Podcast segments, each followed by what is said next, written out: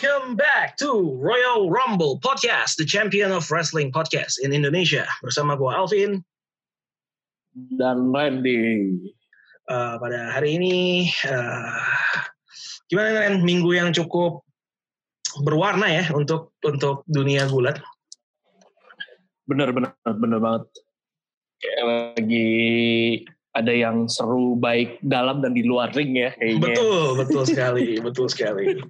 Walaupun yang agak uh, di luar ringnya salah satu yang bikin berwarna yang kemarin lu share ke gue itu siapa? Yang kembali lagi momen merusak merusak kayfabe yang ada ya ada ada banyak tuh waktu itu. Banyak. Oh ini Kyrie Sane ngepost selfie. Iya. yang komen Naya Jax Naya komen Naya Jax tuh Naya Jax imut mata komen ada hati-hati iya. ya. Oh, langsung isinya hujatan semua di situ. oh iya, iya. isinya gara-gara iya isinya hujatan semua gara-gara lu Kyrie Sane cedera. Wow, gara-gara. Bagus netizen, kalian mewakili apa yang kami rasakan. Semua langsung menghujat Naya Jax. Iya Naya Ente sih komen-komen. Tapi itu dilemanya itu ya superstar ya.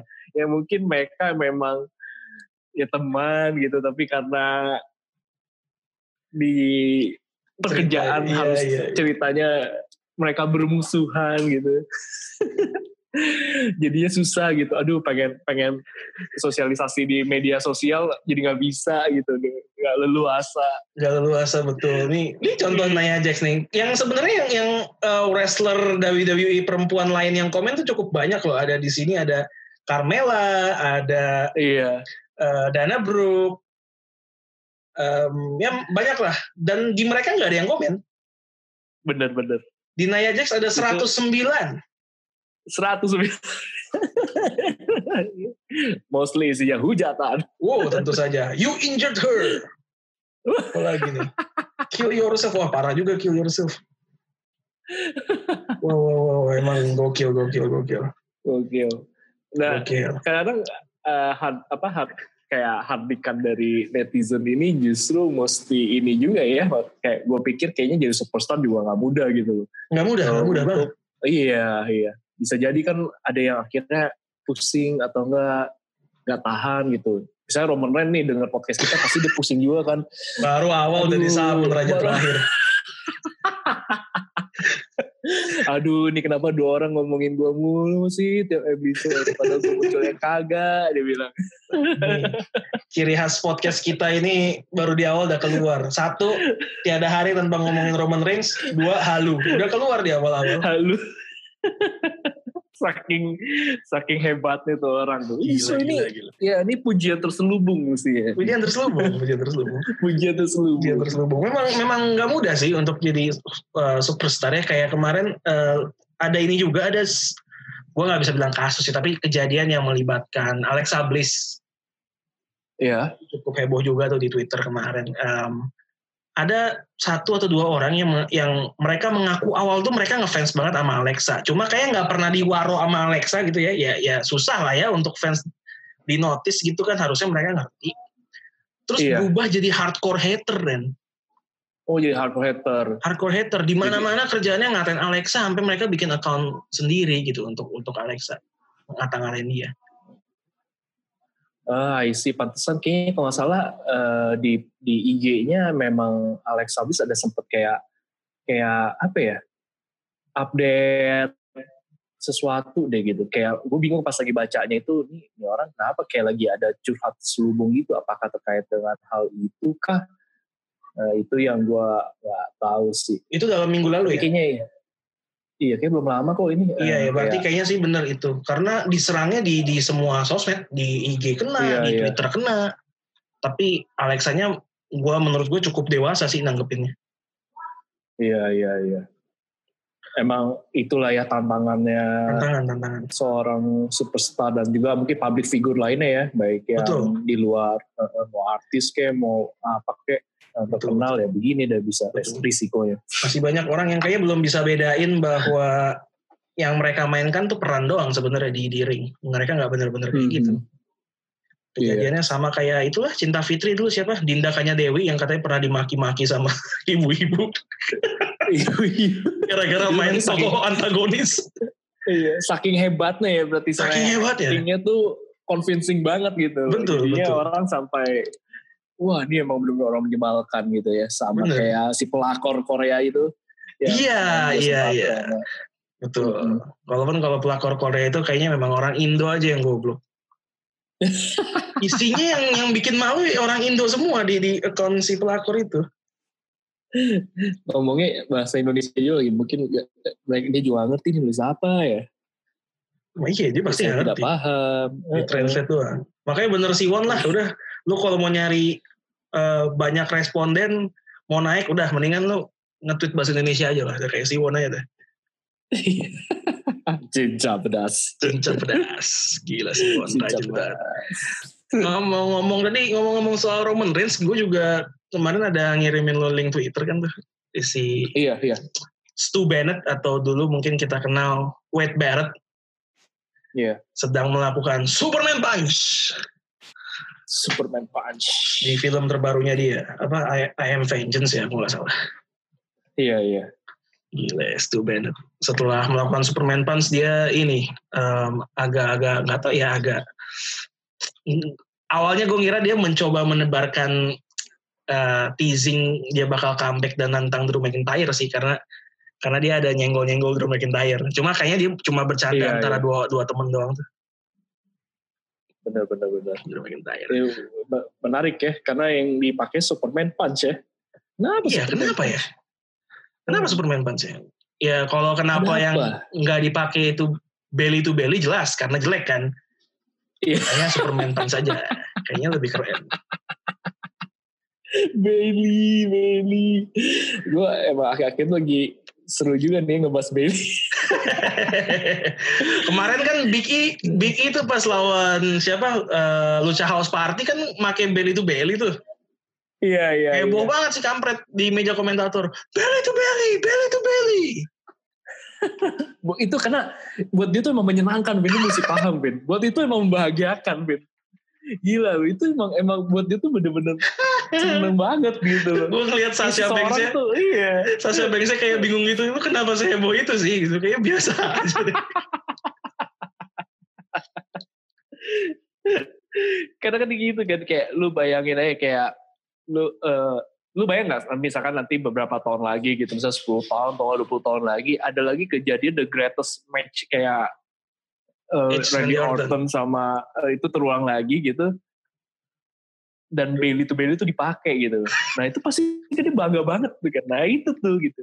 Sensasi itunya tuh kayak mungkin sekarang Triple H liat wah gila nih emang finisher gue tuh udah legend banget sampai akhirnya itu bisa diteruskan misalkan.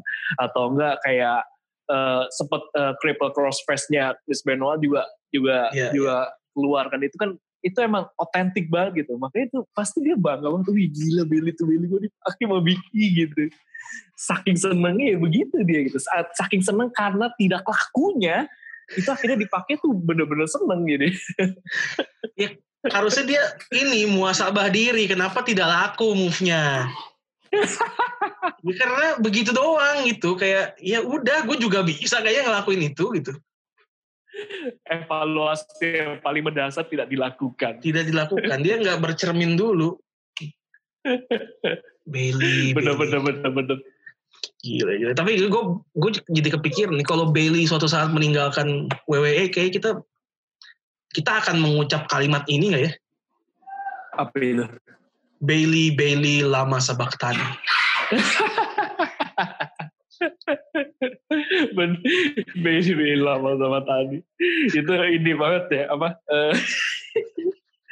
Gue gue gue bayangnya Belly ada membuat apa sampai gue ngomong begitu? apa yang diperbuat Belly sebelum dia akhirnya pensiun sampai akhirnya gue bisa ngomong kayak gitu? Kalau kalau pertanyaan besar. ya kalau di taraf sekarang kayaknya nggak ke, nggak kebayang gitu ya. Kayaknya kita nggak akan Iya. ngomong gitu deh. Iya. Apa yang dilakukan Bailey? Apakah dia akhirnya mengganti bajunya kah? Atau akan mengganti gimmicknya kah? segitu segitu Bailey rendahnya Bailey-nya. nggak, segitu rendahnya seorang Bailey sampai dia berganti baju aja bikin kita bikin kita kehilangan. Segitu rendahnya standar seorang Bailey. Kan Bahkan kita ganti tahu, baju kan. pun prestasi untuk dia. Iya. Kayak akhirnya Atau akhirnya akhirnya- Bailey udah percaya diri, nggak perlu naruh namanya lagi. Iya, nah kayak gitu kan mungkin kan kita nggak ada yang tahu gitu. Mungkin kan. Akhirnya- Iya, atau nggak tiba-tiba Bailey eh ya ganti finishernya gitu kan, atau enggak tiba-tiba dia eh, menang 24/7 gitu kan, kan seru gitu. Terus Membuat kita punya alasan untuk Bailey lama sama. atau akhirnya menemukan karakter yang bener-bener cocok untuk dia gitu ya. Iya, Bisa jadi, bisa jadi. It- itu Aduh. yang ditunggu dari seorang Bailey. Iya, iya, iya. Eh tapi ngomong-ngomong soal karakter nih Ren. Hmm. Um, uh, The Last Ride-nya Undertaker kan udah udah selesai nih, udah selesai. Kayak Iya. Undertaker lagi cukup disorot lah karena kemarin juga ada um, hint bahwa dia uh, pensiun for good gitu. Dia juga udah bilang bahwa as of now gue nggak punya aspiration lagi untuk kembali ke ring. Dia juga Hmm. sempat muncul di podcastnya Corey Graves tuh After the Bell. Dan Iya. gue mau menyoroti satu kalimat, nggak satu kalimat sih sebenarnya, satu paragraf dari Undertaker yang secara kebetulan agak bersinergi sama apa yang dikatakan sama Karrion Cross pas Hmm. di interview, gue lupa siapa yang interview lah. Yaitu soal karakter dari para pegulat sekarang nih. Um, mereka sih Iya. kurang lebih uh, mengatakan hal yang sama ya. Karrion Cross ditanya soal ya ini karakter gue tuh gue bikin dengan waktu yang lama nih gue mencurahkan banyak tenaga pikiran untuk bikin karakter gue kayak gini dan menurut gue karakter is a lost art in wrestling. Undertaker juga kurang lebih ngomong hal yang sama bahwa banyak pegulat sekarang yang nggak gitu mentingin karakter, mereka hanya mentingin teknis wrestling mereka aja. Yang mana sebenarnya Hmm. karakter juga memainkan peranan penting nih di di di, di dunia pro wrestling. Em, kalau gue tanya nih, kalau lu lebih condong, lebih milih pegulat dengan kemampuan teknis yang not bad, tapi karakternya kuat, atau dengan kemampuan teknis pegulat yang oke, tapi sebenarnya karakternya standar. kalau gue karena emang ini dunia entertainment ya somehow kalau lu mau jadi figur kalau lu emang mau jadi idola emang menurut gue karakter harus kuat sih gue gue setuju tuh poin itu jadi eh tapi ya ini gue jawaban gue agak eh, jawaban gue sih jawaban moderat ya. Karena gue emang merasa itu dua paket yang nggak bisa dipisahin. Tetapi kalau in case bener-bener lu mau survive menurut gue emang karakter mesti bold sih memang. Dan setidaknya lu di penampilan di ring lu lu punya beberapa move yang memang itu bisa jadi eh, sesuatu yang otentik buat diri lu. Dan itu bisa cukup menarik lah gitu. Walaupun mungkin lu nggak bisa bener-bener banyak explore secara movementnya gitu. Tapi menurut gua karakter emang perlu di develop sih. Kalau lu emang mau jadi seorang idola gitu. Iya, iya. Itu sih pandangan gua. Hmm, gue gue gue setuju sih karena gue ber, gue ber- beranggapan bahwa kalau buat gue gue disuruh uh, gue gue sepakat sama sama yang lu bilang bahwa memang sebenarnya sepaket ya. Idealnya adalah mereka tentunya punya in ring yang oke karakter juga kuat gitu. Tapi kalau memang harus kayak gue harus misalnya harus condong kira-kira yang mau nilainya 10 dari dua ini yang mana gue akan lebih condong ke karakter sih sebenarnya kalau gue ya Ren bener-bener iya iya gue juga setuju. Iya gue pas baca em, dari apa yang dibilang sama Undertaker sama Karen Cross sih gue bener-bener kayak nah ini orang-orang ini menyuarakan apa yang selama ini gue pikirin gitu loh.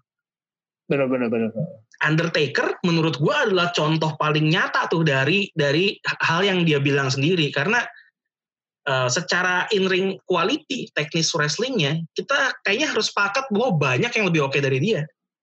Bener-bener tapi karakternya wah lu gua mungkin arguably itu the most iconic karakter yang pernah ada di WWE kayaknya.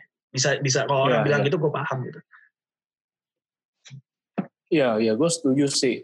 Kayak apa ya? Kalau gue pahamnya adalah ini sih sama aja sih berlaku di mana pun lu lu mau mau bicara kita sebagai produk, mau bicara kita sebagai karakter, mau bicara kita sebagai personal, kalau emang katakanlah bicara branding lah misalkan personal branding. Kan kita juga sering pertanyaan dasarnya adalah ketika lu di nama lu misalkan diingat sama orang, lu pengennya nama lu diingat sebagai apa gitu. Bisa katakanlah Alvin gitu. Kalau keinget Alvin, gue tuh ngebayangnya tuh Alvin tuh Alvin kayak gini gitu demikian juga gue gitu. Kalau orang ingat nama gue, Randy, gue berharapnya orang tuh ingat apa dari gue. Nah itu yang menurut gue nggak bisa lepas dari pembentukan karakter sama kayak superstar WWE. Dan menurut gue itu yang ada di beberapa superstars yang memang udah menurut gue udah established banget lah ya gitu. Katakanlah ya salah satu jebolannya ya memang Undertaker gitu. Yang kalau lu kok ingat Undertaker udah pasti asosiasinya tuh udah udah oke banget. uh, legenda lah atau enggak uh, The Deadman yang pasti yep. keinget gitu atau enggak ya emang masternya uh, Wrestlemania gitu. Dan ini yang memang perlu di develop sih di pemain apa di superstar yang sekarang. Yang menurut gua itu tuh baru ada di beberapa aja gitu. Yang pasti, yang pasti itu Roman Reigns. Memang sangat berlaku ya apa yang lu bilang tadi ya. Ya, punya move-nya nggak usah banyak-banyak, yang penting otentik. Karakternya kuat. Ya, memang berlaku ke dia ya berlaku kan dia berlaku, Superman berlaku. Punch Samuan Drop Samuan Drop Spear Spear iya. Wah. gitu-gitu aja angguk-angguk tapi ya iya tapi dia bisa bisa bertahan gitu sementara kalau katakanlah kita lihat uh, Ricochet lah ya gitu gue demen banget lihat Ricochet gitu yeah. penampilan ringnya tuh menarik banget gitu gue suka gitu karena menurut gue nih emang menurut gue tren pasar juga uh, ada shiftingnya juga ya. Mungkin dulu orang nonton wrestling terhibur soal soal cerita storyline-nya aja.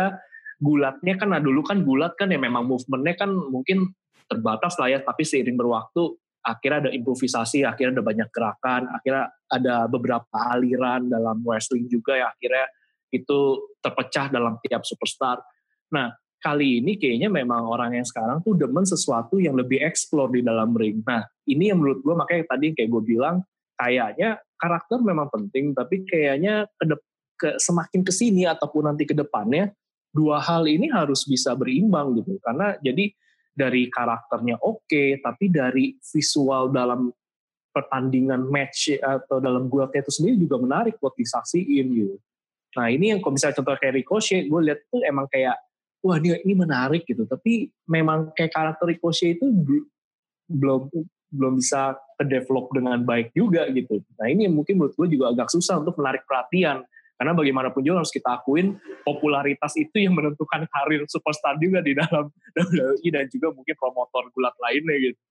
Betul betul betul betul banget. Dan dan gue gue somehow kayak tepat banget sih lu ngambil contohnya Ricochet karena kalau menurut gue kalau gue disuruh ngepick nama yang jadi contoh itu mungkin gue juga ngepick nama yang sama sih Ren. Um, iya, iya. Kayak kita sepakat lah Ricochet emang emang atraktif banget gitu. Tapi secara karakter kalau buat gue ya, buat gue memang dibandingkan beberapa belas atau banyak uh, rekan-rekan sejawat yang lain, memang dia agak agak katakanlah tertinggal ya. Maksudnya dalam iya, artian iya. bisa diingat sama orang gitu.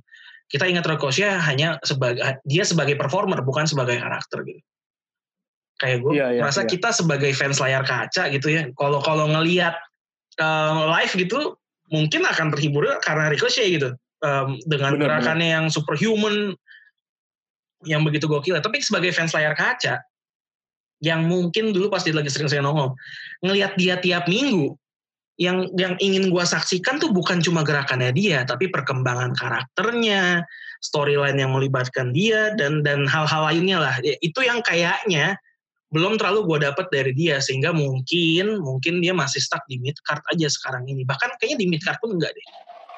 Iya iya iya. Itu yang gue setuju. Kayaknya akhir-akhirnya juga udah nggak kelihatan lagi kan ya?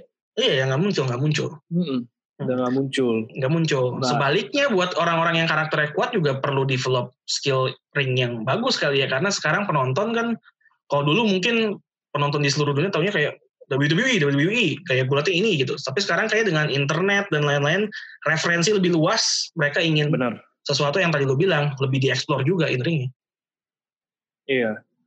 Nah makanya itu jadi kayak nggak heran juga uh, hal yang ini mungkin yang sedang di develop juga dengan kompetitor misalkan oleh elite gitu yang menurut gue juga kayaknya dari sisi cerita benar-benar coba di build up juga tapi secara dalam ringnya juga menurut gue itu juga menarik sih walaupun kadang-kadang ada yang cheesy juga jadinya. Iya, tapi iya. iya. tapi menurut gue ya itu mereka lagi ngusahain ke sana gitu karena yeah. harus gue akuin kalau gue ber, ber, bercermin dari diri gue sendiri kalau iya sih kalau kalau orangnya oke okay gitu kan ya menarik eh, punya kriteria sebagai idola tapi kalau matchnya boring gue cenderung menikmati storyline aja gitu gue mungkin yeah. matchnya ya buat nonton full pun nggak nggak nggak nggak gak menjadi prioritas gitu ya. Yang penting, yang penting gue lihat highlightnya oke okay deh gitu. Tapi kalau emang yang gue kalau ada preferensi, maksudnya kayak, wah ini ini menarik banget nih dia uh, menghibur banget in ringnya gitu. Nah itu dorongan gue untuk nonton full tuh mau banget gitu. Nah mungkin ini kali yang faktor-faktor yang akhirnya ngebawa juga gitu ke ke betul. pertimbangan sekarang gitu. Betul betul betul. Um, ya memang harus dua-duanya, maksudnya gak bisa timpang ya kayak contoh kalau kita yeah, sampai yeah. 10 karakter 10 tapi skill in ringnya dua kayaknya nggak bisa ngangkat juga tuh atau sebaliknya benar, harus kayak at least dua-duanya tinggi lah kayak 88 kah atau mungkin 10 uh, eh, mungkin 10 7 masih oke okay gitu tapi kalau timpang banget nggak bisa kayak mungkin yeah. siapa ya contohnya mungkin Great Kali The Great Kali menurut gua karakternya kuat banget tuh hmm. Great Kali cuma cuma skill wrestlingnya ya nggak bisa nih orang nggak bisa wrestling. Akhirnya ya udah yeah. bentaran doang kan. Soalnya kok pertanyaan yang paling dasar walaupun mungkin ini agak agak ya ini arguable sih ya tapi gue kayak penasaran deh. Misalkan katakanlah kita ambil Alistair Black lah atau enggak ya kayak Ricochet gitu. Okay. di, dibanding sama sekarang kayak uh, aduh gue lupa itu siapa sih namanya siapa yang mana gue oh ini sama Artruth gitu Artruth oke okay. mendingan mana sih secara karir Biarpun gitu-gitu juga ya Artut ya, 24/7 ya gitu. Tapi secara karir uh, mungkin kita bicara spotlight gitu kan. Mendingan mana coba? Ya kalau sekarang memang lebih dapat Artut ya. Walaupun begitu-gitu juga. Iya, kan, iya, gitu. iya. Iya.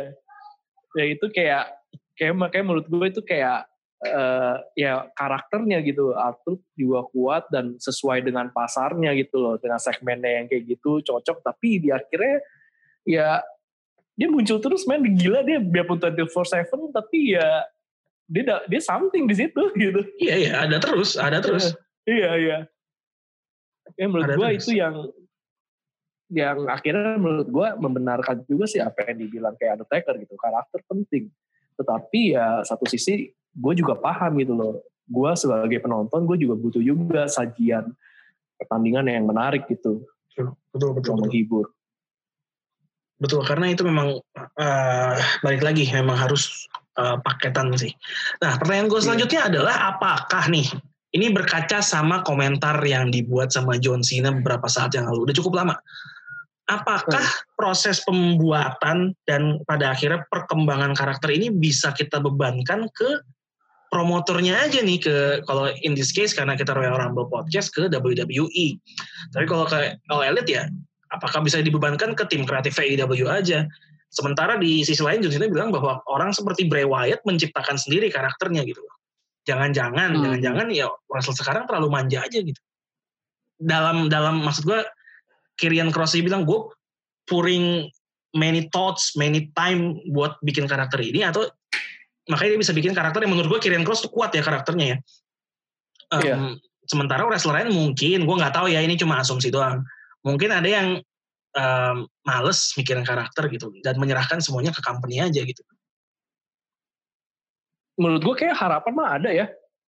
Dia ngebayangin tadinya mereka mau jadi superstar kayak apa. Karena kita aja yang uh, sekadar penggemar, penonton, kita pun punya imajinasi kita sendiri kan. Kita mau kalau mau jadi superstar mau kayak gimana gitu kan. Ya, ya, ya. Dari yang segmen kita sebelumnya aja tuh mau menunjukkan bahwa sebenarnya tiap orang tuh punya punya idealismenya sendiri gitu. Karakternya mau jadi apa. Dan itu yang menurut gue gue yakin sebenarnya juga ada sih di tiap-tiap superstar uh, eh, WWE ataupun juga promotor lain. Tapi mungkin ya gue nggak tahu ya polusi kayak gimana ya. Apakah emang harus diatur gitu mungkin juga dia mungkin boleh ide tapi dirasa tidak cocok gitu. Mungkin pihak uh, manajemennya melihat atau tim kreatifnya kayaknya lebih cocok begini deh. Jadi ya akhirnya ya udah mau nggak mau ngikutin aja gitu. Ya ini yang gue gue nggak paham. Tapi kalau bicara sebenarnya punya bayangan gue yakin sih harusnya ada sih ya. Harusnya ya harusnya ya, ya kayak yang lu bilang hmm. tadi kita aja punya. Iya kita aja punya soalnya. Kita aja punya. Kita aja punya um, maksudnya kan sekarang fans suka ngeliatnya kayak aduh si ini nggak dikasih kesempatan nih padahal dia oke okay. aduh si ini kok dikasih karakternya kayak gini jadi kebanyakan mereka ngeblame-nya ngeblame-nya ke company-nya sementara hmm. kalau dari contoh-contoh yang gue lihat sebenarnya para wrestler ini um, masih punya kreatif kontrol walaupun sebesar apa gue nggak tahu tapi sebenarnya masih punya itu loh uh, masih punya window untuk dia berkreasi sebenarnya gitu dari katanya. Iya. Kalau Kirian Cross mungkin gue agak susah ya karena dia udah kuat dulu di tempat lain baru diambil. Tapi kalau Bray Wyatt gitu iya. gitu katanya, contohnya Bray Wyatt lagi, ya dia bikin from the scratch dan akhirnya dia pasti pitching ideasnya dulu kan ke ke manajemen. Iya benar. Dan diterima gitu. Jadi masih ada window itu sebenarnya. Iya. Jadi menurut gue sebenarnya nggak nggak fair juga kalau semuanya disalahinnya ke ke company walaupun mungkin company. ya walaupun mungkin salahnya tetap ada tapi kayak kalau semuanya disalahin ke company menurut gue kayak nggak fair juga. Iya cuman gue ngarinya emang kalau bicara gimmick kan harus spesial ya emang.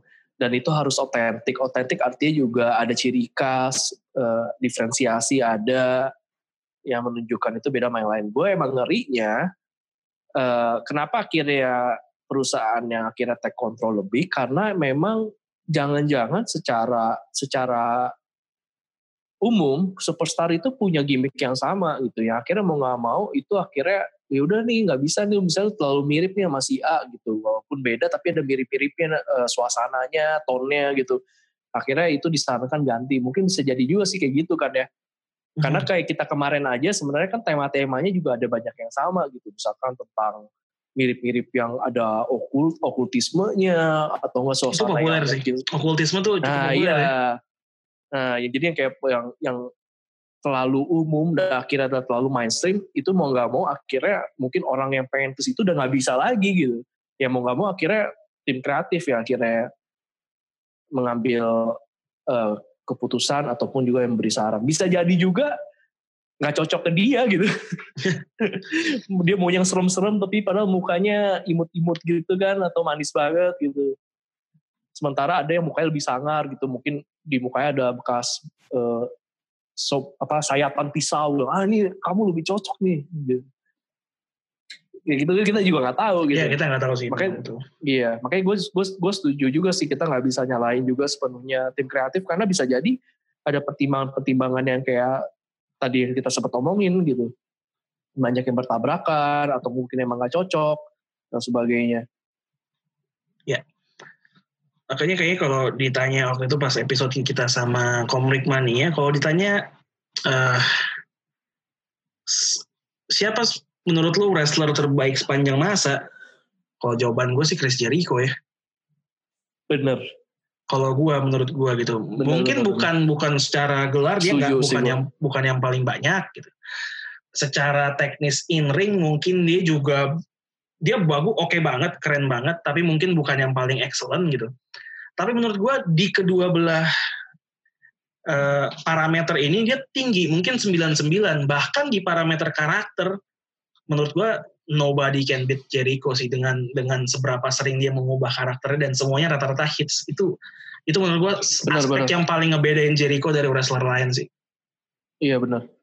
Dan menurut gue dia salah satu karakter yang mau mau dia ya kayak lu bilang dia mau ganti gimmick kayak mau ganti penampilan kayak dia tetap Jericho sih. Orang nggak akan masalah gitu. Yes. even kayak Edge saja yang menurut gue memang udah udah hebat banget lah ya. Eh, karakternya udah melekat segala macam juga. Se sekembalinya dia kering dia harus tetap menjadi orang yang gondrong gitu. Tapi kok Jericho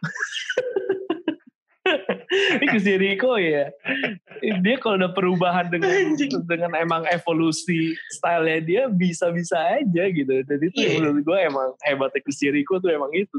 Iya, gue gue kayak mikir kayak ini orang ya antara dia ngasal terus karena dia Jericho dia bisa pull it off atau memang dia segitu briliannya pikiran dia bahwa dia tahu ini works gitu antara dua dia emang ini sih emang punya aura mega bintang sih susah sih. Dia emang entertainer sejati sih. Gila ya. Jadi ya kayaknya itu yang tampaknya spesial Chris Jericho tuh di situ memang jadi. Betul betul. Itu gue setuju susah sih. ya ini ya. Pesonanya vokalis tuh emang emang beda bisa ya. kayak gitu beda Ah. gitu. Sama Chris Jericho tuh. Gila, gila, gila. Makanya untuk seorang Chris Jericho yang segitunya mengambil uh, Sammy Guevara sebagai sidekicknya itu menurut gue kayak speaks volume buat Sammy Guevara. iya iya iya Nah itu menarik juga tuh karena ada ada comparison yang dibuat antara Sammy Guevara sama Angel Garza nih Ren.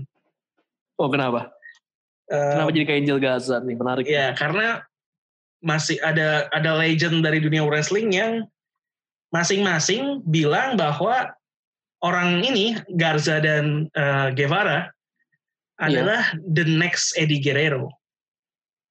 oke Jadi ma- jadi si gue lupa orangnya siapa si A bilang Angel Garza next Eddie Guerrero sementara si B bilang Sammy Guevara next Eddie Guerrero. Kalau lu kalau lu lebih tim mana nih tim Garza atau Guevara?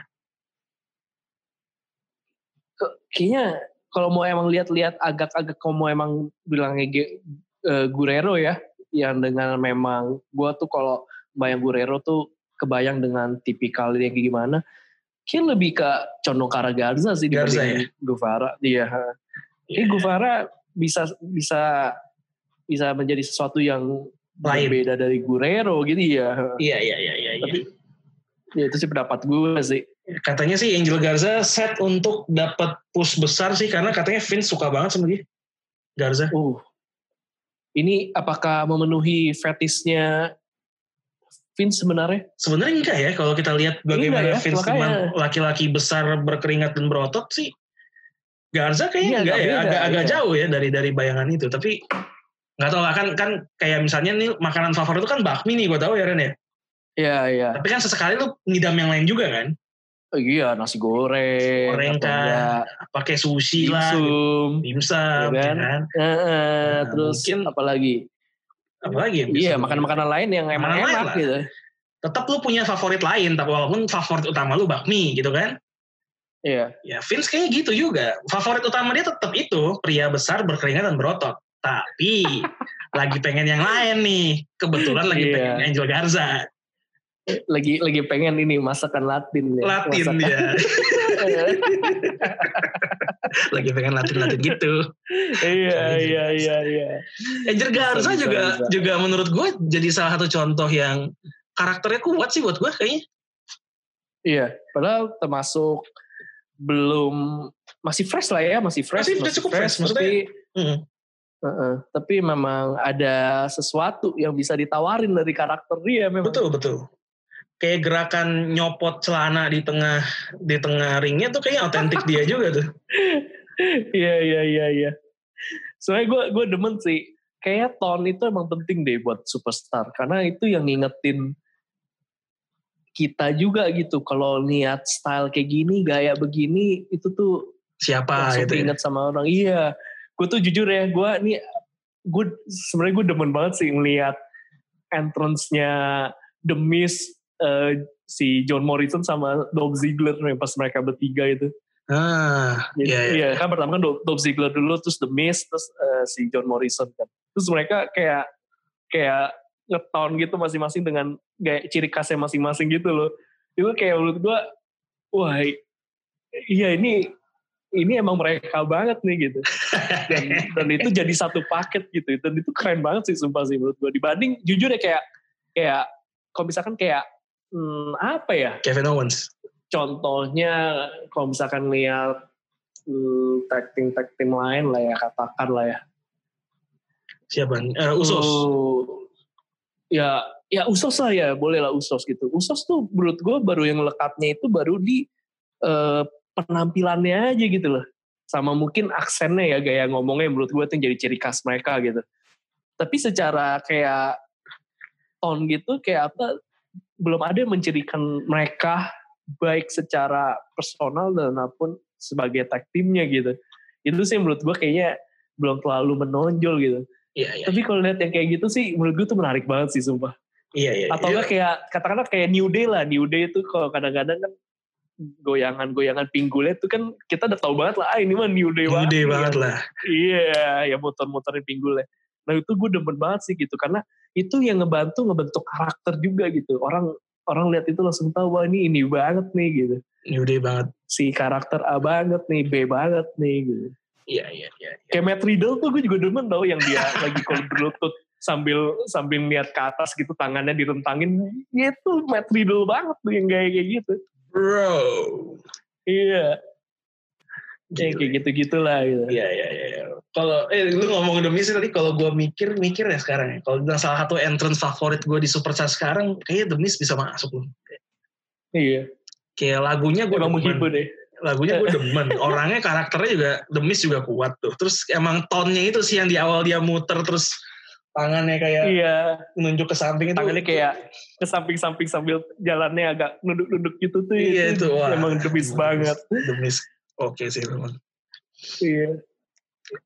The Miz. Iya, menurut gue sih itu sih. Iya, Iya. iya. Kalau nah kalau Kevin Owens apa ya yang ngebuat Kevin Owens tuh uh, segitu topnya gitu loh. Malah kalau menurut gue kayak dia entrance biasa aja gitu kayak udah musik masuk jalan selesai gitu. Iya. Kayaknya juga dia nggak ada tone yang terlalu gimana gitu kan. Kayak apa ya secara karakter yang ngebuat dia kayak kita inget. Padahal dia kayak menurut gue secara karakter ya nggak nggak nggak terlalu gimana tapi kita inget gitu sama Kevin Owens. Kok kalau dari sisi gue ya, harus gue akuin menurut gue salah satu musik entrance yang enak tuh Kevin Owens sih. Kevin Owens sih, gue juga seneng sih musik Iya, Kevin Owens. itu tuh itu itu menurut gue kalau gue ngebayangin ya kayak superstar yang tiba-tiba comeback gitu yang lama gak muncul itu lagunya dia tuh asik banget sumpah Iya, iya. Tenet, awal iya bener wah itu itu keren banget sih dan dan bagian dia masuknya pas lagi gitar di slur innya tuh yang lama ting. Ya itu gila baru dia masuk. Iya, iya. itu sih itu sih keren banget sumpah. Gue demen banget eh, musik entrance-nya Kevin Owens. Kevin Owens. kedua mungkin menurut gue karena ketolongan ini kali ya mix skillnya sih oke banget sih Kevin Oh, Owens sih. Kevin Owens iya sih, itu gila sih. iya iya.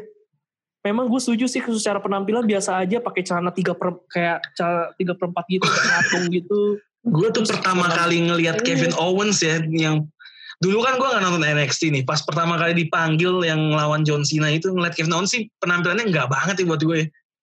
Iya. Celananya begitu, tapi tapi sekarang tuh nempel gitu.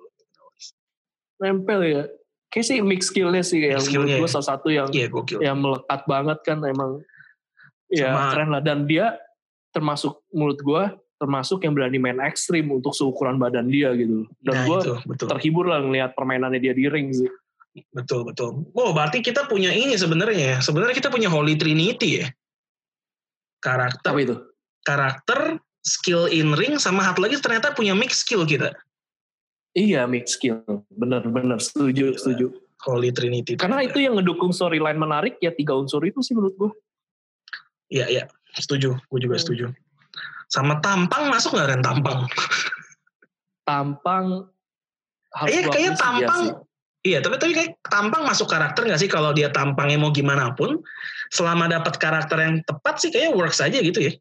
Bener-bener, gue setuju. Contoh katakanlah kayak Undertaker gitu kan ya.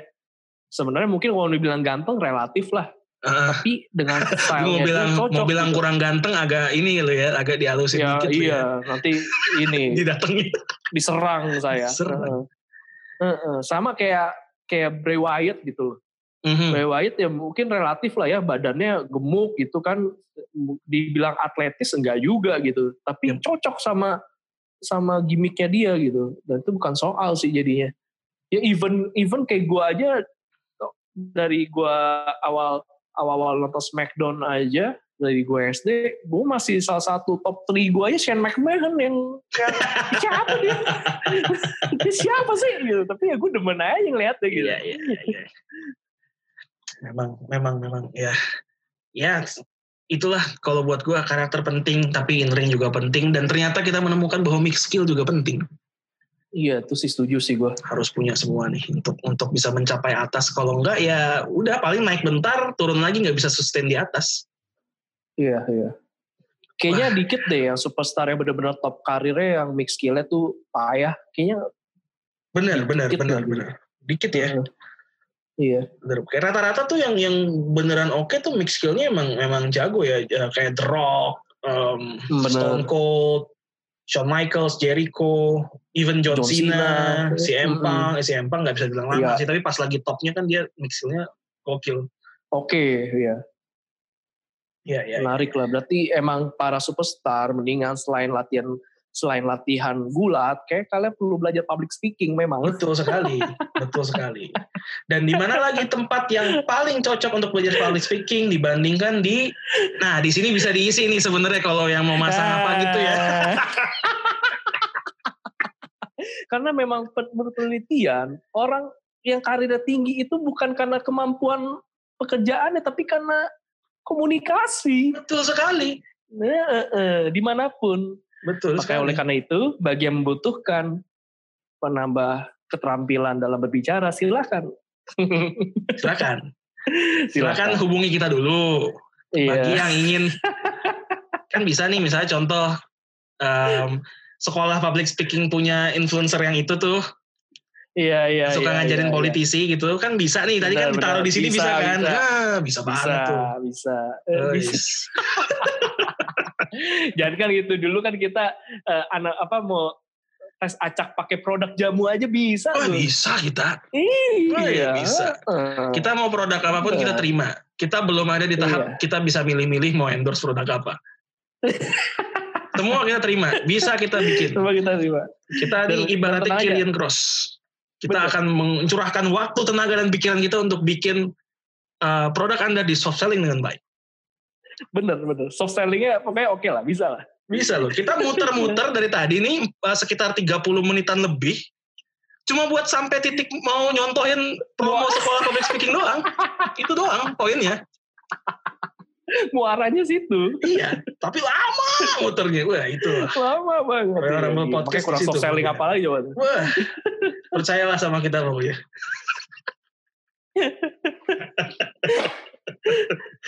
Benar. Kacau. Kacau, kacau. Gila kita episode ini kita benar-benar tidak membahas mengenai yang terjadi di ring seminggu. kita kita bahas yang di luar itu semua. Karena luar kita punya semua. segmen kedua. Dan ini pun masih ngebahas sesuatu yang di luar ring ya Ren ya. Iya, iya. Yang memberikan warna lain nih. Kalau tadi warnanya mungkin terang nih agak gelap. Ya kayak emang harus kita akuin ya segala sesuatu itu ada dua sisi koin dan ini salah satu yang akan kita bahas. Betul sekali. Di mana ada yin, di situ ada yang kita akan bahas nih mengenai yangnya dunia pro wrestling di segmen 2.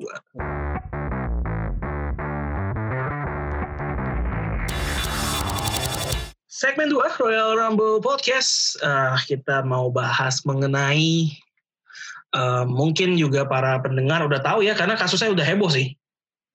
Iya. Udah heboh. Kemarin juga di Twitter banyak yang mention kita juga soal soal ini. Bahas dong, bahas dong. Oh tentu saja. Sebagai podcast wrestling yang update tidak mungkin tidak kita bahas. Iya. Yaitu mengenai mengenai uh, apa ya bisa dibilang apa ya kejadian ini ya. Noda hitam di dunia pro wrestling khususnya dunia pro wrestling UK nih ada apa nih Ren kita? Benar, benar. Jadi ke, muncul kasus-kasus yang sebenarnya kasus-kasus personal dari beberapa superstar yang, yang akhirnya terungkap ke publik khususnya di dunia internet gitu, di media sosial di mana beberapa yeah. orang akhirnya memaparkan kisah-kisah atau enggak pengalaman pribadi langsung dengan beberapa superstar yaitu berhubungan dengan pengalaman yang tidak mengenakan.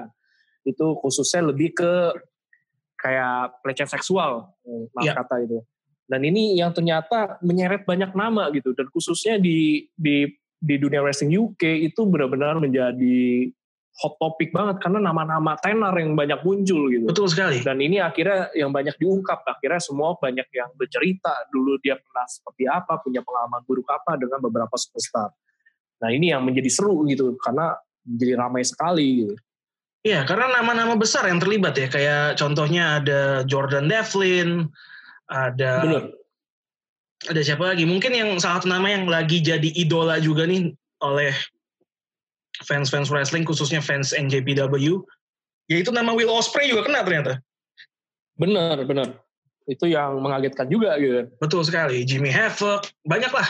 Banyak banget nama-nama. Bahkan yang yang mungkin karena kita seringnya bahas WWE ya, uh, Jack Gallagher juga kena dan akhirnya dipecat langsung oleh WWE. Iya. Da, sampai uh, yang di All Elite juga Havoc juga akhirnya di di nonaktifkan dulu ya. lebih dahulu gitu. Betul betul. Walaupun katanya untuk untuk pengobatan mental health-nya. Jadi selama Benar, Jadi rehabilitasi ya. Betul, rehabilitasi tapi investigasi akan terus berjalan nih. Berjalan. Kalau Havoc sih katanya ini ya semacam KDRT gitu ya, abuse mental abuse. Benar. Gitu kalau si Devlin katanya ya pelecehan seksual, Will Ospreay juga nama-namanya banyak kemarin nama-namanya coba gue cari dulu. Iya, sampai ada listnya itu dibuat panjang sekali. Betul. Kalau mau cek di account Twitter apa namanya kemarin Expose Wrestling. Expose Wrestling. Silahkan. Kayak misalkan kayak wrestler wrestler dari UK itu kan kayak Tyler Bate itu sama Joe Coffey itu itu oh, iya, semua itu. Betul betul betul. Iya. Nah semua itu. Terungkap semua. Hmm. Itu yang memang mengejutkan sih ternyata banyak banget orang yang punya pengalaman tidak enak gitu dengan beberapa superstar. Oh, wow, tapi akunnya Expose Wrestling gue coba cek, sepertinya sudah hilang nih Ren. Udah kayaknya udah di ini ya. Udah kayaknya di, udah di take down ya. Take down. Untung kita sempat baca. Untung kita sempat baca loh. Karena ini kasus ini cukup cukup baca. Cukup besar. Iya. Walaupun kayak gue gua nah ini yang pertanyaan gue. Sebenarnya kalau menurut gue yang kayak Tyler Bate Menurutku itu hmm. nggak hmm. apa-apa loh. Kalau Tyler Bate kan kasusnya yang kemarin ke expose adalah di mana dia mengajak seorang wanita untuk di, uh, diundang ke kamarnya, ke kamar hotelnya. Yeah. Yang mana kita tahu lah intensinya mau ngapain gitu. Tapi menurut gua dia nggak uh, maksa. Dia gue lupa lewat DM atau lewat chat gue lupa. Pokoknya dia nggak maksa. Um, dan di UK atau di Eropa di Amerika gitu kan seperti itu sebenarnya bukan suatu hal yang tabu lagi gitu jadi menurut gua kalau yang dilakukan Tyler Bates sebenarnya nggak nggak nggak seproblematik yang lain sih banyak juga yang defend Tyler Bates hmm, hmm, hmm. karena baru sifatnya baru propose ya iya sifatnya ditolak propose. gitu ya udah betul, betul. selesai gitu betul jadi nggak ada unsur pemaksaan nggak ada emang pelecehan juga gitu kan Betul. Lewat si Tyler Bate. Padahal ini ini mungkin kejutan juga ya Tyler Bate tuh uh, sedang lagi naik naik juga, tapi sam, iya, tapi sometimes kan kan uh, apa bad publicity itu is good publicity juga Kalau emang pas dia terbukti aman dengan exposure kayak gini justru malah bisa naik, ya? menjadi ya? bisa jadi naik ya. Bisa jadi gitu gitu. Iya iya iya dan dan dan nggak cuma Tyler Bate kayak ada beberapa lagi yang diekspos yang yang akhirnya kayak ini mah bukan suatu hal yang ini kayak contoh Carmela katanya terungkap nih fetish seksualnya tuh dikencingin.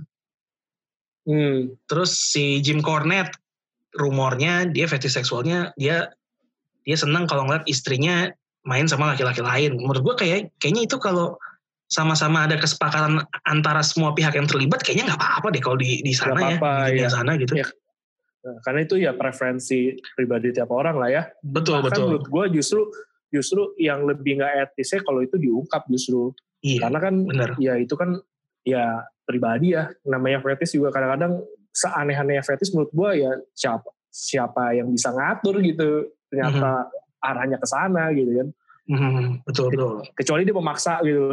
Kalau memaksa menurut gua memang memang problematik ya, di situ gitu. ya. Betul betul betul. Iya gitu. Yeah. Misal lu ketemu Carmela kan tiba-tiba oh kencingin sekarang juga.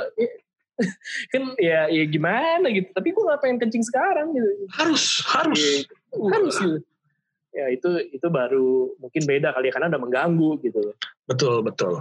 Walaupun kalau Jim Cornette katanya ya untuk talenta-talenta pria yang mau naik ya harus harus nyenengin dia dan istrinya dulu, katanya gitu problematiknya. Uh, tapi pertanyaan gue gini Ren sebenarnya. Ini kan tuduhan banyak banget nih ke banyak sekali wrestler yeah. ya. Banyak sekali wrestler. Um, ada selalu, kalau menurut gue selalu ada potensi bahwa ada cerita yang difabrikasi.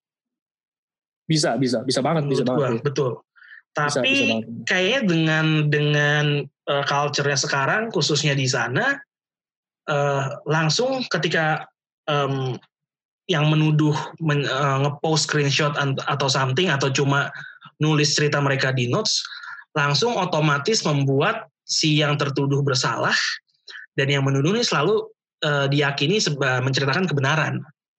Iya, iya gue nggak tahu gimana gue mau ngomongnya, gue takut salah ngomong juga. Tapi kalau menurut gue, kayaknya gak bisa serta merta otomatis kayak gitu deh. Karena selalu ada chance ada orang yang mau pansos nih lewat lewat kasus-kasus iya. kayak gini gitu loh. Iya, makanya kalau dihukum kan juga ada asas praduga tak bersalah karena Tuh. itu yang sebenarnya kita perlu perlu tahu juga sih. Jadi kadang-kadang tuduhan itu kan bisa aja benar, bisa aja salah gitu. Makanya kadang-kadang menurut gue, menurut gue kayaknya kalau masing-masing, mungkin kalau kalau kalau opini publik susah lah ya buat kita atur. Tapi menurut gue yang punya andil adalah satu pertama korbannya itu sendiri gitu. Kalau emang lu ngerasa itu lu benar kejadian terjadi dan lu pengen nuntut keadilan ya lu lakukan aja jalur hukum gitu. Terus setain bukti-bukti yang ada. Terus kedua, menurut gue yang penting adalah juga tempat di mana Westworld itu bernaung gitu. Bisa contoh company kayak ya? Iya company Bisa kayak All Elite gitu. Sidaknya menurut gua dia memperlakukan Havoc tuh dengan oke okay lah gitu. Dia emang ditepikan dulu tapi investigasi berjalan. Artinya kan dia mencari tahu fakta dulu dong. Dia melihat ini benar atau tidak. Nah, sangat disayangkan kalau itu yang tiba-tiba langsung dipecat gitu tapi tanpa ada peninjauan gitu. Itu kan kadang-kadang susah nih kayak gitu kan. Ya karena bisa jadi ada kasus-kasus yang memang kayak tadi lu bilang gitu itu eh, fabrikasi apa fabrikasi aja gitu dibuat-buat dan belum tentu benar gitu. Kalau memang udah terbukti ya justru tindakan misalkan memecat ataupun dibuang menurut gue itu justru tepat gitu. Karena bisa menyelamatkan dunia wrestling juga sih gitu. Tapi ya, ya itu rawannya gitu. Bagaimana membuktikan kebenarannya gitu. Ya itu sih. Iya iya. Um, kasus yang paling cocok menurut gue untuk jadi contoh hal ini adalah kasusnya Matt Riddle. Karena kemarin Matt Riddle sempat diekspos dalam tanda kutip juga. Tapi ini benar-benar memecah suara banget nih. Um, ya, ada ya. tim yang langsung percaya kayak gue bilang dengan mengatakan bahwa ya tapi kan uh, kalau pelecehan seksual atau apa pun susah dibuktikan gitu loh. Apalagi kalau kejadiannya bukan lewat chat gitu. Kalau screenshot kan uh, lebih mudah untuk mereka cari bukti. Tapi kalau langsung susah dibuktikan Sementara Benar. tim yang membela Matt Riddle merasa bahwa dari apa yang diunggah sama si penuduh ini banyak hal yang kok kayaknya eh, nggak real gitu loh. Eh, satunya contoh chatnya dari aplikasi uh, yang ada iklannya, yang yang mungkin bisa gampang diubah dari timeline kejadian yang yang menurut si penuduh kok dilihat sepertinya tidak apa ya, tidak nggak pas lah gitu dibilangnya kapan pas dicek kejadiannya kapan beda gitu Iya, iya, sama uruntutan kejadian yang juga kayak questionable gitu. Um, Matt Riddle sendiri ditanya sama orang lewat DM, dia jawabannya cool sih. Hmm. Um, kayaknya dia meyakini bahwa dia, gue nggak pernah melakukan itu, ngapain gue salah. Malah dia bilang, duh gue gue kecewa nih lu nanya kayak gini ke gue, jadi lu mikir gue orang kayak gitu. Sementara tim yang ngebela bilangnya adalah, um, ya ini, lu yang begini-gini yang bikin orang tuh susah untuk speaking out atas apa yang menimpa mereka. Ya agak agak pelik sih buat gue ya kok kayak gini. Iya iya. Iya benar-benar tapi ya kembali lagi sih ya. Kalau kalau gue kalau misalkan dari sisi gue ya pemberitaan kayak gitu akan kembali kembali jadi tepat atau tidaknya ya kalau emang buktinya sih kuat sih ya. Ya jadi kayak misalkan contoh kayak termasuk gue pun baca berita-berita kemarin yang ada di expose wrestling uh, dari gue pribadi pun gak ngambil itu 100% gitu Ya. Kita pun juga mesti kayak paling ya jadikan itu sebagai info dulu aja kan gitu. Masalah benar atau tidaknya mungkin kalau penasaran lu tinjau sendiri akhirnya makanya kayak ada yang pro Matt Riddle akhirnya bisa menunjukkan, gue lu lihat nih ini ada indikasi nunjukin bahwa berita ini salah gitu.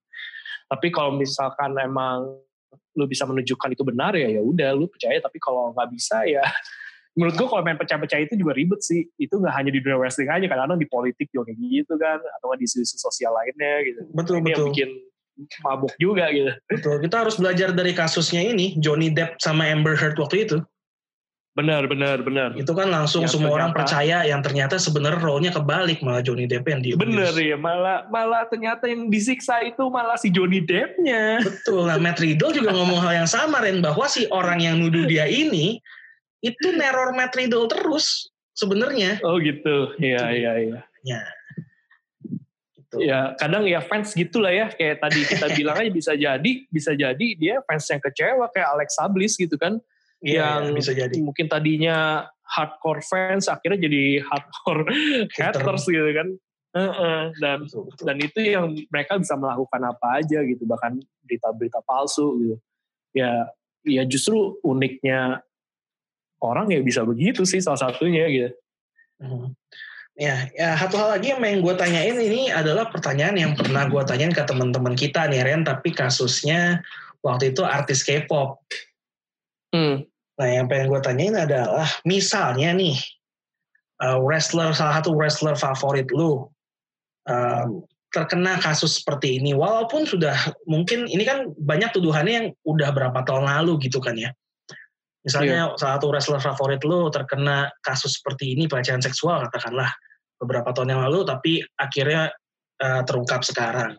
Lu sebagai fans masih bisa nggak deklarasi diri lu, oke okay, gue fansnya dia, gue bisa menik masih bisa menikmati karya-karyanya walaupun dia sebenarnya pernah melakukan hal itu atau atau lu tipe, uh, tipe yang wah gue udah nggak bisa lagi ngefans sama dia. Uh, menurut gue tergantung sih, bisa jadi pertama gue nggak menyalahkan juga kalau ada orang kira beralih, bisa jadi nggak suka, tapi gue juga bisa paham orang yang tetap suka. Karena menurut gue nih kembali ke prinsip sih, misalnya contoh nih, gue demen uh, toko A namanya. Nah, tapi gue berprinsip misalkan gue nggak suka hal yang ternyata menunjukkan uh, misalkan misal gue concern soal lingkungan hidup gitu Nah, hmm. nah ternyata ternyata yang gue idolakan itu bertentangan gitu. Menurut gue kalau berbenturan prinsip bisa jadi dia nggak suka lagi dan itu menurut gue wajar terjadi.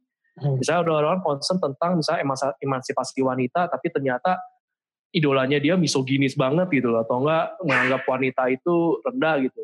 Nah bisa jadi dia nggak suka, menurut gue itu wajar banget gitu. Terlepas mungkin tadinya dia sukanya terhadap hasil karya atau bagaimanapun, dia ada kekecewaan akhirnya dia beralih bisa gitu.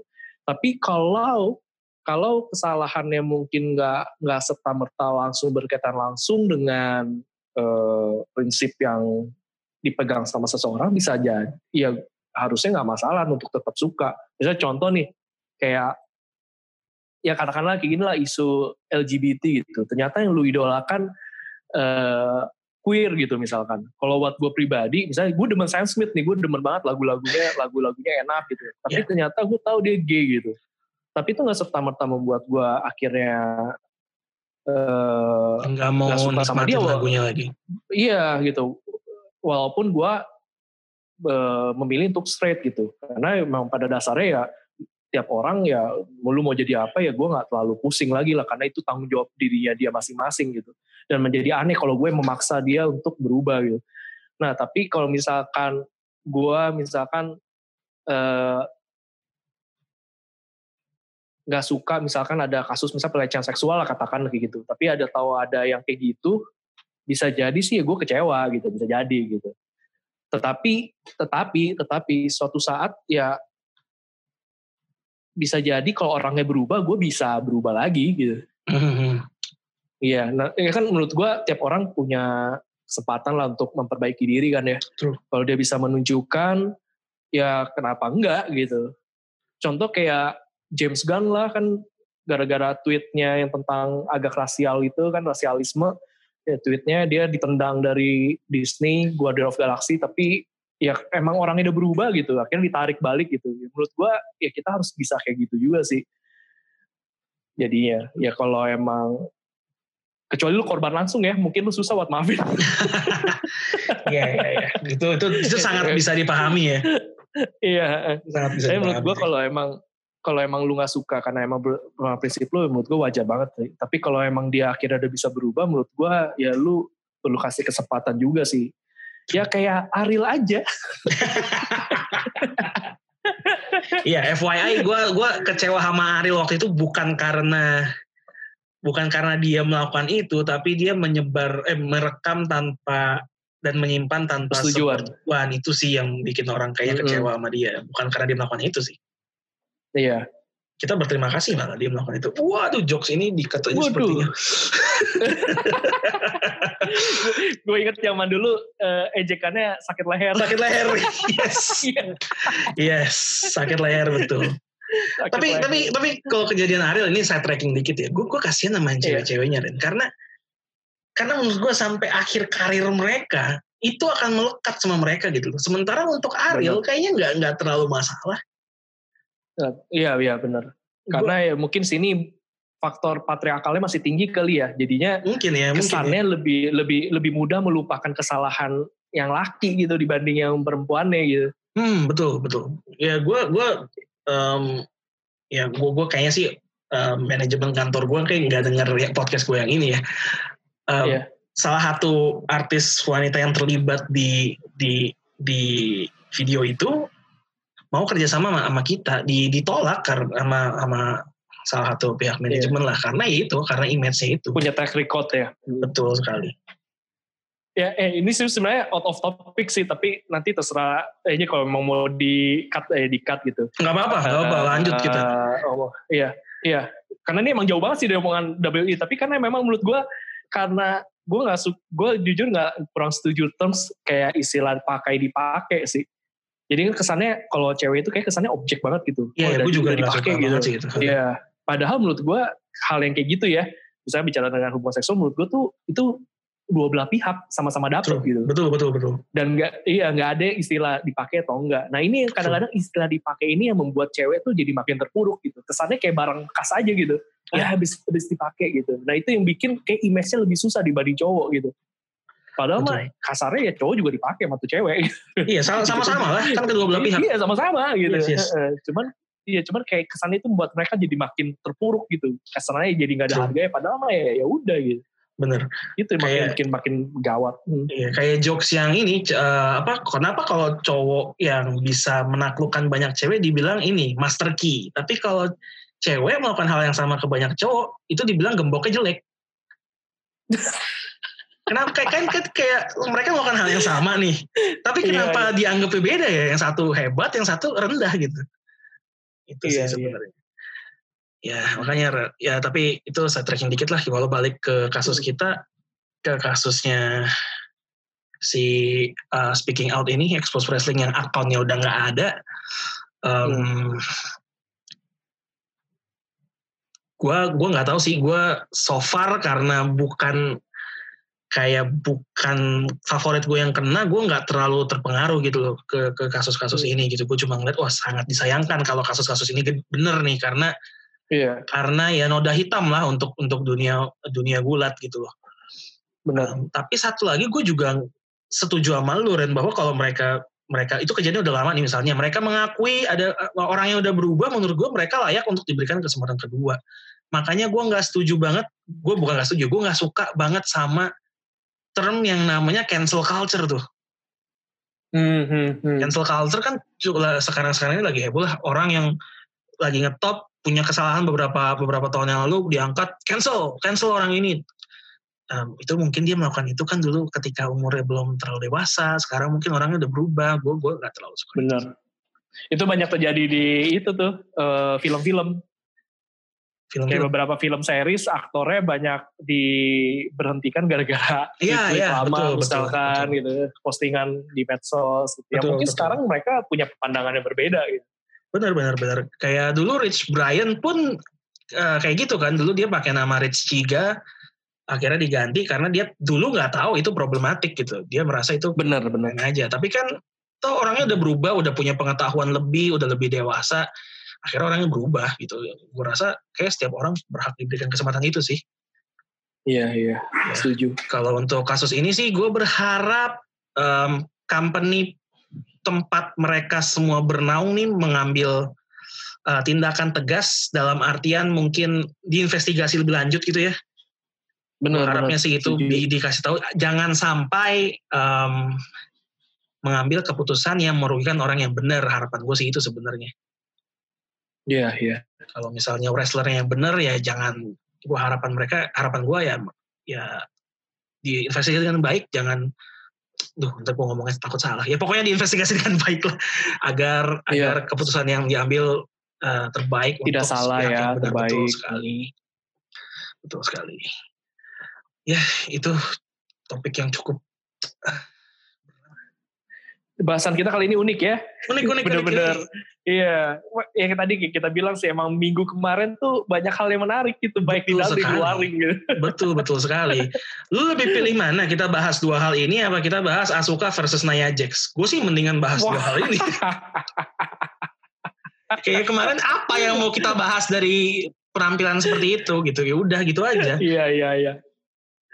Iya, iya, iya. mendingan benar. ini aja lah ini aja lah walaupun yang terakhir agak berat dan dan gue seperti kata Randy gue sih bisa paham lah kalau lu kecewa nggak mau ngefans lagi tapi gue juga bisa bisa paham kalau sebenarnya lu masih masih bisa menikmati orang ini Mhm. sebagai seorang wrestler gue juga ya paham sih jadi perbedaan kita tidak perlu di dipertentangkan lah di Benar silakan dia. Kalau beda ya agree Ya to kalau disagree aja beda ya udah benar agree to disagree aja gitu. Kadang-kadang menurut gue emang lucu gitu sih akhirnya kalau kita memaksakan lagi apa yang itu kan itu yang ribet ya jadinya. Itu Betul. never ending perang sih. Jadi betul itu nggak akan ada habisnya sih menurut gue kalau udah iya. udah kayak gitu ya berharap aja mudah-mudahan um, justice will prevail lah ya untuk semua pihak Benar, yang benar. terlibat oke sudah cukup sepertinya episode minggu ini. Eh, thank you sudah mendengarkan Royal Rumble podcast di episode ini yang cukup unik. Kita benar-benar tidak membahas sedikit pun. Nih akhirnya tidak terbahas sedikit pun. Ya udahlah nggak apa menurut gue ada beberapa hal yang menarik tapi kayaknya tidak semenarik dua hal ini ya. Iya. Nah, jadi nanti minggu depan lah kita bahas lagi eh tapi nggak tahu sih kalau misalnya ada update kasus ini mungkin kita bahas lagi juga bisa jadi Benar, benar. bisa jadi oke kalau begitu kita akan jumpa lagi di edisi yang akan datang bersama saya Alvin Dan gue Randy. and you can always believe that